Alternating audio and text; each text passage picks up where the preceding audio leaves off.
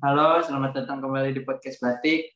Nah, selamat datang di podcast Batik yang ke edisi ke-7 di bulan November ini. Nah, buat di periode periode ini kemungkinan podcast Batik sisa beberapa episode lagi. Dan khusus di bulan ini kita kedatangan kepala divisi dari kaderisasi dan internal Himatika Unsud. Halo kau dan ada juga salah satu staffnya dari Karin juga Laili Ramadhani. Halo Kak, Laili, Kak Awu. Halo Rehan. Halo. Gimana kabarnya Kak Awu? Alhamdulillah baik. Rehan gimana? Hmm, Alhamdulillah sehat. Kak Laili gimana kabarnya Kak? Baik, baik. Baik. Oke, nah mungkin di sini kita akan bahas sedikit soal uh, apa ya agenda agenda yang identik lah dari tahun ke tahun di Himatika ada yaitu musyawarah anggota. Dan selanjutnya mungkin kita akan ngobrol-ngobrol dikit ngobrol-ngobrol santai loh tentang tentang suatu pembahasan yang menarik lah. Mungkin kita mulai dulu dari pembahasan kita yang pertama dari musyawarah anggota. Nah di sini Kak Leli sebagai penanggung jawabnya ya Kak. Iya, aku sebagai penanggung jawab. Oke, mungkin dari Kak Laili bisa jelasin dikit soal musyawarah anggota dari Himatika itu sendiri, boleh Kak silakan. Oke, jadi musyawarah anggota itu adalah agenda kultural dari Himatika Unsur yang berfungsi sebagai wadah nih, sebagai wadah penampung aspirasi, mengevaluasi program kerja yang sudah dilaksanakan, dan mempersiapkan kepengurusan selanjutnya. Nah, musyawarah ini juga merupakan agenda terakhir dari Himatika Unsur periode 2021. Itu Rehan. Oke, berarti tujuannya apa tuh dari musyawarah sendiri Kak? Tujuan umumnya gambaran. Oke, tujuan dari musyawarah anggota ini seperti yang udah ada di gambar uh, yang aku sebutin tadi uh, untuk menyalurkan aspirasi seluruh anggota Himatika uh, periode 2021, mengevaluasi program kerja yang sudah dilaksanakan selama satu periode dan juga menyiapkan kepengurusan Oke, berarti kalau di musyawarah anggota itu semua anggota Himatika itu bisa ikut ya, bisa ikut mengutarakan aspirasinya. Iya, benar banget. Jadi sasaran dari musyawarah anggota ini adalah mahasiswa aktif matematika unsur. Oke, dari kau ada tambahan soal musyawarah anggota nggak kak? Eh, sejauh ini belum ada sih kan sama kayak lagi tadi. Oke, mungkin nih kak aku mau nanya dari musyawarah tentang musyawarah anggota nih. Berarti musyawarah anggota itu sudah dilaksanakan dari himatika berdiri di awal mungkin ya, karena untuk mengevaluasi dan mempersiapkan kepengurusan selanjutnya. Uh, kalau dari tahun ke tahun yang kalian tahu itu musyawarah anggota itu seperti apa sih kayak keunikannya mungkin atau hal-hal yang diingat. Mungkin aku mau nanya ke kau dulu karena kau udah lebih lebih banyak ikut musyangnya gitu. Gimana kau oke baik. Terima kasih atas pertanyaannya Rehan. Uh, jadi kalau misal ditanya perbedaan apa sih yang paling mencolok dari musyawarah anggota ya? Uh, tentunya ya perbedaan dari ini sih pesertanya anggotanya selalu beda kan? Seiring dengan uh, ber, bergantinya tahun gitu kalau misal kemarin kan nih cuma Rehan yang jadi panitia. Nah sekarang mabanya yang jadi panitia tahun 2021 gitu. Okay. Kemarin 2020, sekarang 2021 pasti beda. Terus juga uh, di uh, Nah, jadi kalau misal di agenda sidang itu kan juga bisa dirubah. Nah, mungkin uh, ada beberapa perubahan di agenda sidang itu gitu. Paling untuk perbedaannya seperti itu. Dan paling ini yang kemarin kan offline, nah sekarang online gitu. Selama masa pandemi ini kan dijalankan. Oke, kalau berarti kalau dari Kak ini gimana Kak? Um, apa ya? Tentang musyawarah anggota gitu yang udah pernah Kak Laili ikutin gitu? Oke, kalau dari aku mungkin kurang lebihnya sama kayak kau ya. Uh, dari panitianya kan kebetulan aku juga kan tahun lalu sebagai panitia dari musyawarah anggota gitu. Pasti kan dari setiap kepanitiaan gitu, masing-masing uh, anak kan atau masing-masing angkatan punya uh, kayak caranya sendiri gitu dalam mengatur berjalannya musyawarah anggota gitu. Pasti dari situ berbeda sih. Gitu. Oke. kalau kau berarti pernah merasakan mus yang offline ya kak ya? Gimana rasanya kau? Oke, terima kasih. Uh, mungkin buat yang mus yang offline itu, ya tentunya ini sih kalau misal mus yang online itu kan kita lebih capek di mata ya. Kalau misal mus yang offline itu kita lebih capek di fisiknya gitu. Bener-bener semuanya kita harus curahkan gitu. Apalagi waktu itu bisa sampai jam 12 gitu-gitu loh. Jadi emang di musyang ini kita harus meluangkan waktu, tenaga, dan pikiran kita buat fokus gitu ke musyang Itu paling perbedaan yang paling mencolok sih. Oke, berarti bedanya ya kalau musyawarah anggota offline tuh emang benar-benar dilatih kita buat siap apa-apa gitu kan. Kita soalnya di di suatu tempat gitu ya, nggak di rumah masing-masing.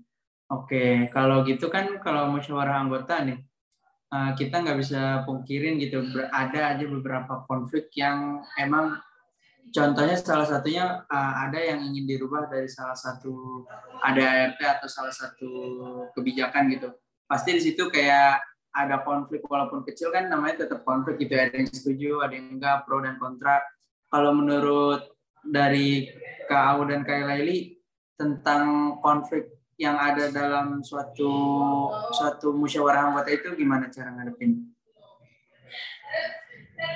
Oke, ini siapa dulu nih yang mau jawab? Kak Laili dulu boleh deh.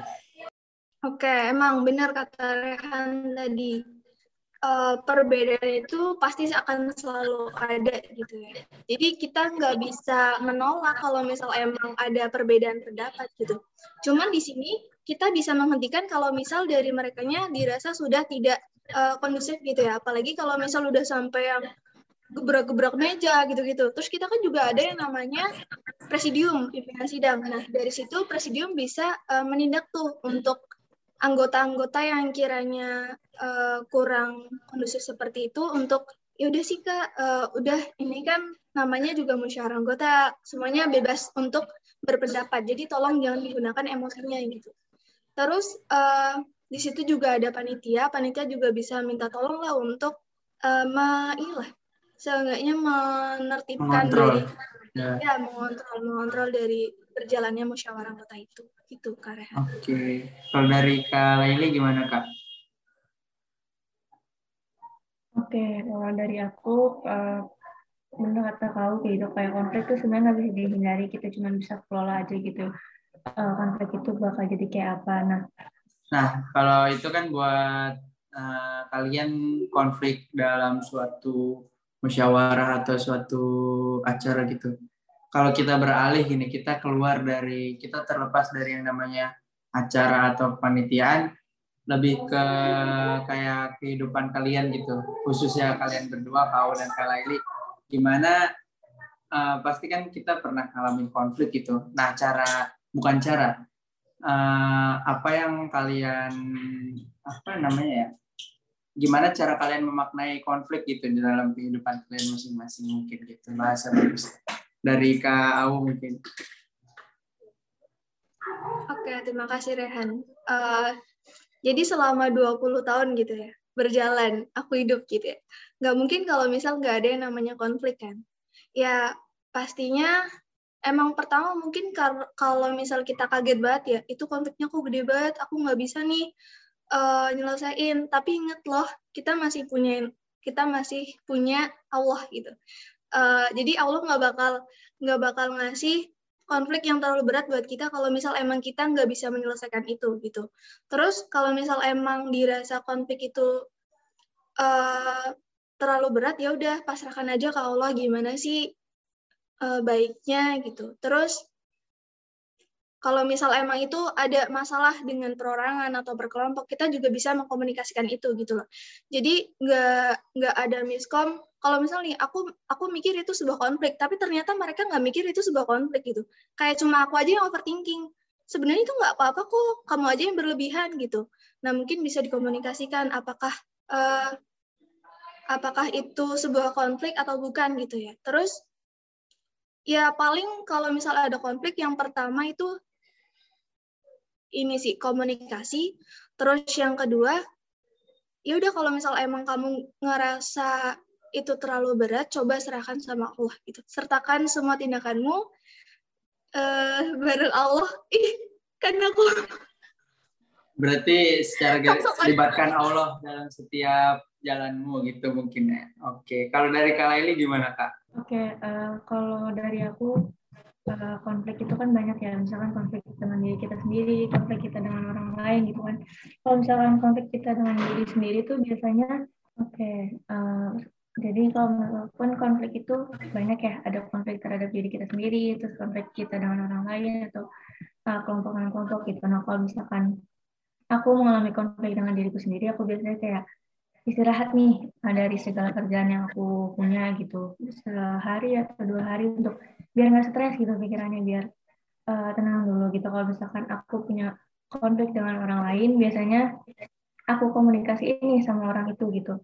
Sebenarnya tuh titik masalahnya tuh di apa di mana gitu. Terus sebenarnya tuh uh, jalan baiknya gimana sih biar konflik ini tuh uh, selesai gitu dengan cara yang terbaik gitu. Intinya dikomunikasi dikomunikasikan aja gitu. Kalau misalkan kita punya konflik sama orang lain gitu. Oke, kalau dari kau dan kak Eli gitu, mungkin aku eh, nggak usah lama-lama lagi kak. Aku mau nanya aja deh satu pertanyaan menurut kalian gitu. Konflik yang kalian pernah alamin atau kalian pernah jalanin itu merugikan atau malah menguntungkan diri kalian? Itu aja cuma pertanyaan dari Kak Kak Au atau Kak Laili mau gantian? Oke. Okay.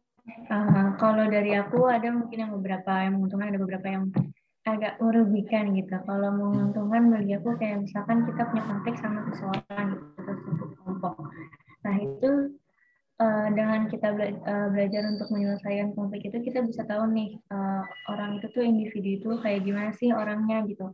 Terus kelompok ini tuh tujuannya tuh kayak gimana sih. Nah dengan kita udah tahu itu untuk ke depan itu kita bisa nih kayak uh, untuk lain kali kalau kita mau melakukan sesuatu dengan orang itu atau mau berbicara dengan orang itu kita udah tahu nih selanya tuh di mana gitu. Jadi nggak bakal ada eh, konflik-konflik uh, selanjutnya gitu. Jadi hubungan kita bisa jadi lebih baik lagi gitu. Oke.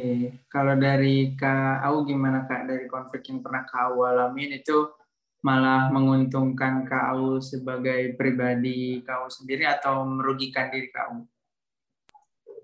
Oke, uh, mungkin kalau misal menurutku ya, buat konflik itu gimana ya? Kalau misal mau dibilang merugikan juga nggak semuanya merugikan gitu ya. Uh, kalau misal mau dibilang menguntungkan juga nggak bisa dibilang menguntungkan juga kan. Ya namanya juga konflik gitu ya. Uh, cuman ya bisa diambil dari hikmahnya gitu kalau misal kita hmm. ada suatu konflik gitu kan kita jadi tahu nih kita jadi berkembang kita jadi kayak anggap aja konflik itu tuh sebuah proses buat pendewasaan kalian gitu kalau misal kalian uh, kena konflik terus langsung down itu bukannya kalian uh, gimana ya? Kita kan hidup nggak cuma berhenti di sini gitu. Kita bakal terus sampai uh, ya waktunya gitu. Hmm. Masa ya kita mau berhenti di sini dengan adanya konflik itu gitu? Ya uh, kalau misal mau dibilang merugikan ya enggak cuman hadapilah kalau misal ada konflik seperti itu gitu. Oh gini ya. Uh, mungkin ada salah satu konflik dalam hidupku yang mungkin aku sesali gitu ya. Ya enggak konflik sama orang lain gitu ya konflik batin aja. Kenapa sih dulu aku nggak daftar universitas ini? Kenapa sih dulu aku nggak daftar jurusan ini gitu? Eh tapi ternyata setelah dilihat ke sini oh alhamdulillah aku nggak daftar ke sini. Oh ternyata ada hikmahnya ya gitu. Uh, mungkin emang Allah nggak ngasih apa yang kita but Allah nggak ngasih apa yang kita mau tapi Allah ngasih apa yang kita kayak gitu. Itu yang uh, selama ini jadi pegangan aku sih. Oke, mungkin. Oke, mungkin ya berarti secara garis besar bisa aku simpulin ya namanya suatu hal atau suatu konflik bisa dikatakan nggak selamanya menguntungkan dan nggak selamanya merugikan gitu ya. Nggak menguntungkan karena ya namanya juga konflik gitu ya. Bikin kita nambah beban tapi nggak selamanya merugikan juga karena mungkin kita bisa belajar dari konflik itu. Nah ya secara garis besar gitulah mungkin aku sebelum mau nutup aku mau nanya dulu deh buat Kak Au sama Kak Leli ini Kak Au ada target personal kah untuk ke depannya mau dapetin apa mau ngelakuin apa gitu Kak uh, target yang paling mendekati ya. Kalau sejauh yeah. ini ya seminar gitu ya. Karena aku juga lagi ngerjain kerja praktik ya paling target ya seminar cuman mungkin kalau misal untuk ke depannya mungkin aku baru memikirkan ya paling untuk semester 7 aku KKN terus aku lulus di semester 8 pokoknya aku harus lulus tepat waktu gitu jangan sampai yang menunda-nunda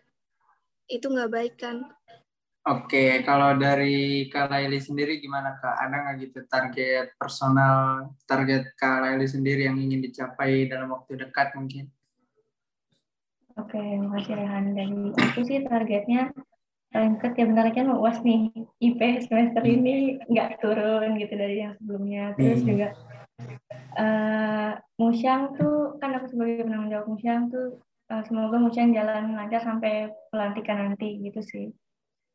Oke, berarti ya semoga aja target kita masing-masing tercapai dalam waktu yang cepat ya teman-teman ya.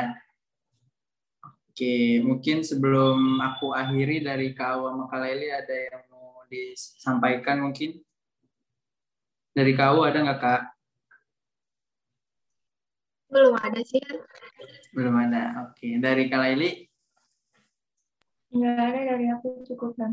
Oke, karena nggak ada mungkin uh, kita cukupkan kali ya teman-teman. Uh, sebelumnya makasih buat kau Makaleli udah nyempetin waktunya datang di podcast Batik kali ini dan buat teman-teman teman-teman semua jangan lupa juga ditonton yang podcast Batik yang episode-episode lainnya.